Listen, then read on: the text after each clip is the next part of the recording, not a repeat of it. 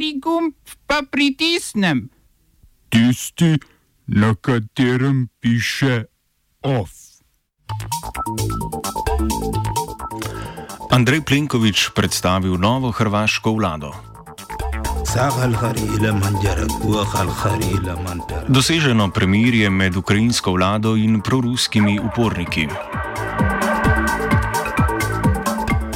Pomisleki proti noveli zakona o spolni nedotakljivosti. Inštitut 8. marec je na Ministrstvo za pravosodje poslal zahtevo za dostop do informacij javnega značaja, ki zadevajo predlog o noveli zakona o spolni nedotakljivosti. Ta je bil že poslan v medresorsko obravnavo. Ta bi omogočal prehod iz modela prisile, ki trenutno od žrtve zahteva izraženo nestrinjanje in poskus obrambe, ki na to posiljevalce privede do uporabe sile. Seveda do tega ne pride vedno, to recimo kaže lanski koperski primer, kjer je ženska ob pričetku posilstva še spala in zato napadalec ni uporabil sile. To je bilo za kopersko sodišče očitno dovoljšen dokaz, da se posilstvo v bistvu ni zgodilo. Prav tako se žrtve ne upirajo vedno zaradi presenečenja, strahu ali ker preprosto presodijo, da se je za nje bolj nevarno upirati kot podrediti. Včasih ljudje tudi niso zmožni podati soglasja, recimo v primerih opitosti, nezavesti in podobno. Ministrica za pravosodje Lilijana Kozlovič sicer trdi, da so ti primeri v noveli obravnavani, a hkrati namiguje, da so žrtve za lastno posilstvo krive same. Tako da res ni zavedeti, komu in čemu verjeti. Sedanji model soglasja pa ni enak modelu, samo ja pomeni ja, ki zahteva afirmativno soglasje pri vstopu v vsak spolni odnos.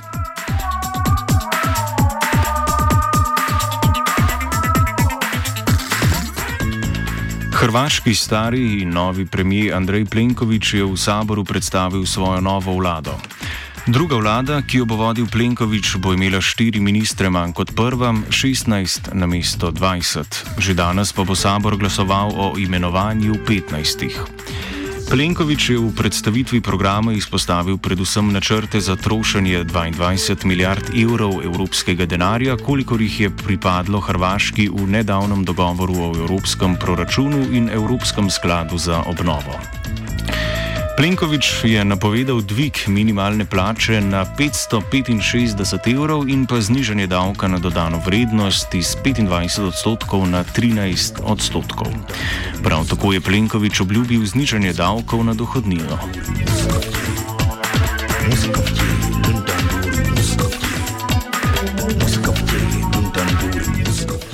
Ameriški predsednik Donald Trump je napovedal, da bo še povečal število pripadnikov varnostnih agencij zvezdne vlade, ki izvajajo policijske naloge v ameriških mestih. Trump je s pravosodnim ministrom Billom Barom prvič podrobneje predstavil tako imenovano operacijo Legend, ki jo je Ministrstvo za pravosodje začelo v začetku meseca kot odziv na proteste ob uboju Georgea Floyda. Policija v ZDA je sicer primarno v pristojnosti občin in zvezdnih držav, agencije, ki pa spadajo pod zvezdno izvršno oblastjo, kateri načeljuje ameriški predsednik, pa sodelujejo v policijskih nalogah le izjemoma, oziroma pri preganjanju kriminalnih dejanj, ki jih obravnavajo zvezdna sodišča. Prisotnost pripadnikov zvezdnih agencij je postala posebno kontroverzna pretekli teden v Portlandu in Los Angelesu, ko so bili na protestih proti policijskemu nasilju in rasizmu prisotni agenti pravosodnega ministrstva v kamuflažnih uniformah in brez identifikacijskih oznak. Na protestih pa so brez pojasnila reterali več ljudi. Gre za pripadnike Zvezdnega preiskovalnega urada FBI, sodne policije, Zvezdne agencije za boj proti narkotikom in urada za alkohol, droge in streljno orožje.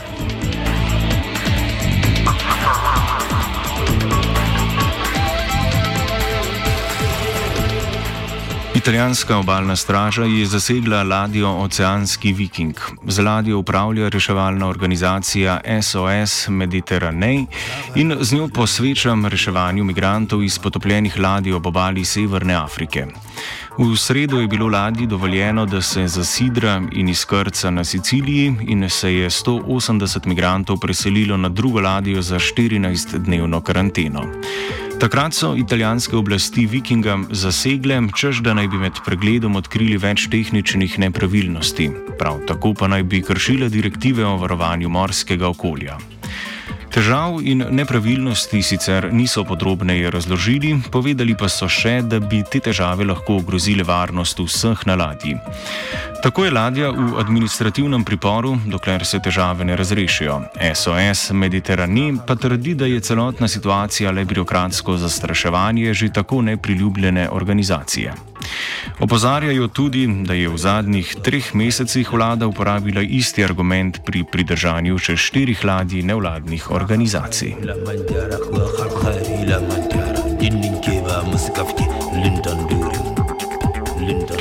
Ukrajinska vlada je uspela doseči premirje s proruskimi separatisti, s katerimi konflikt na vzhodni meji traja že od leta 2014. Premirje bo prišlo v veljavo v ponedeljek.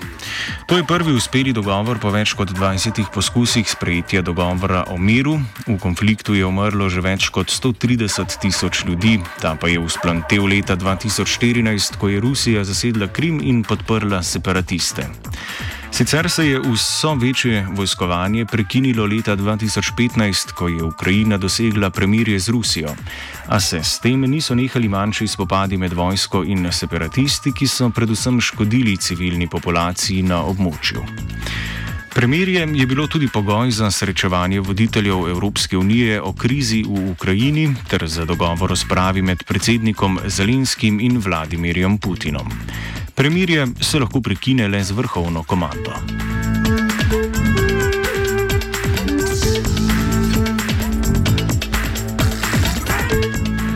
Kanadsko vrhovno sodišče je razsodilo, da akt o tretji varni državi podpisan med ZDA in Kanado ni veljaven, saj ZDA kršijo osnovne človekove pravice. Ta določa, da morajo iskalci azila, ki mejo prestopajo legalno, za mednarodno zaščito zaprositi v prvi varni državi, v katero vstopijo.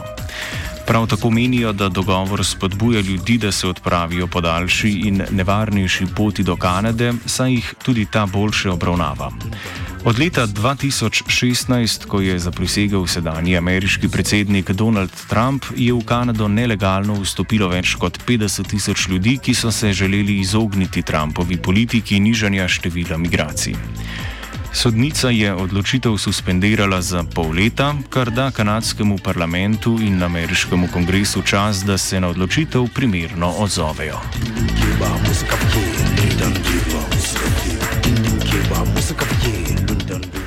Danes izvršni odbor stranke Desus razpravlja o situaciji v stranki, ki naj bi bila vedno slabša. Včeraj jo je zapustil tudi vodja podravskega pokrajinskega odbora Srečko Felix Krope, ki razlaga, da, oziroma ki razloga, seveda, za odločitev ni razglasil. Predsednici Aleksandri Pivec pa sta kar dva pokrajinska odbora, Ljubljanski in Celski, izrekla nezaupnico.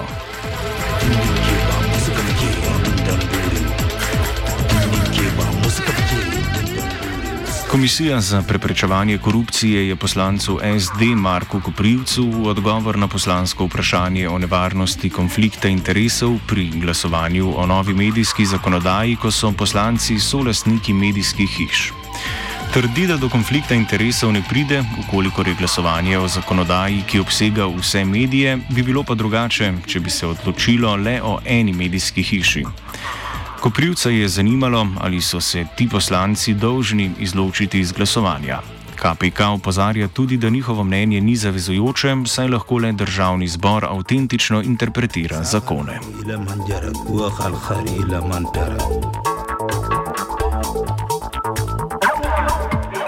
OF je pripravila Lucija.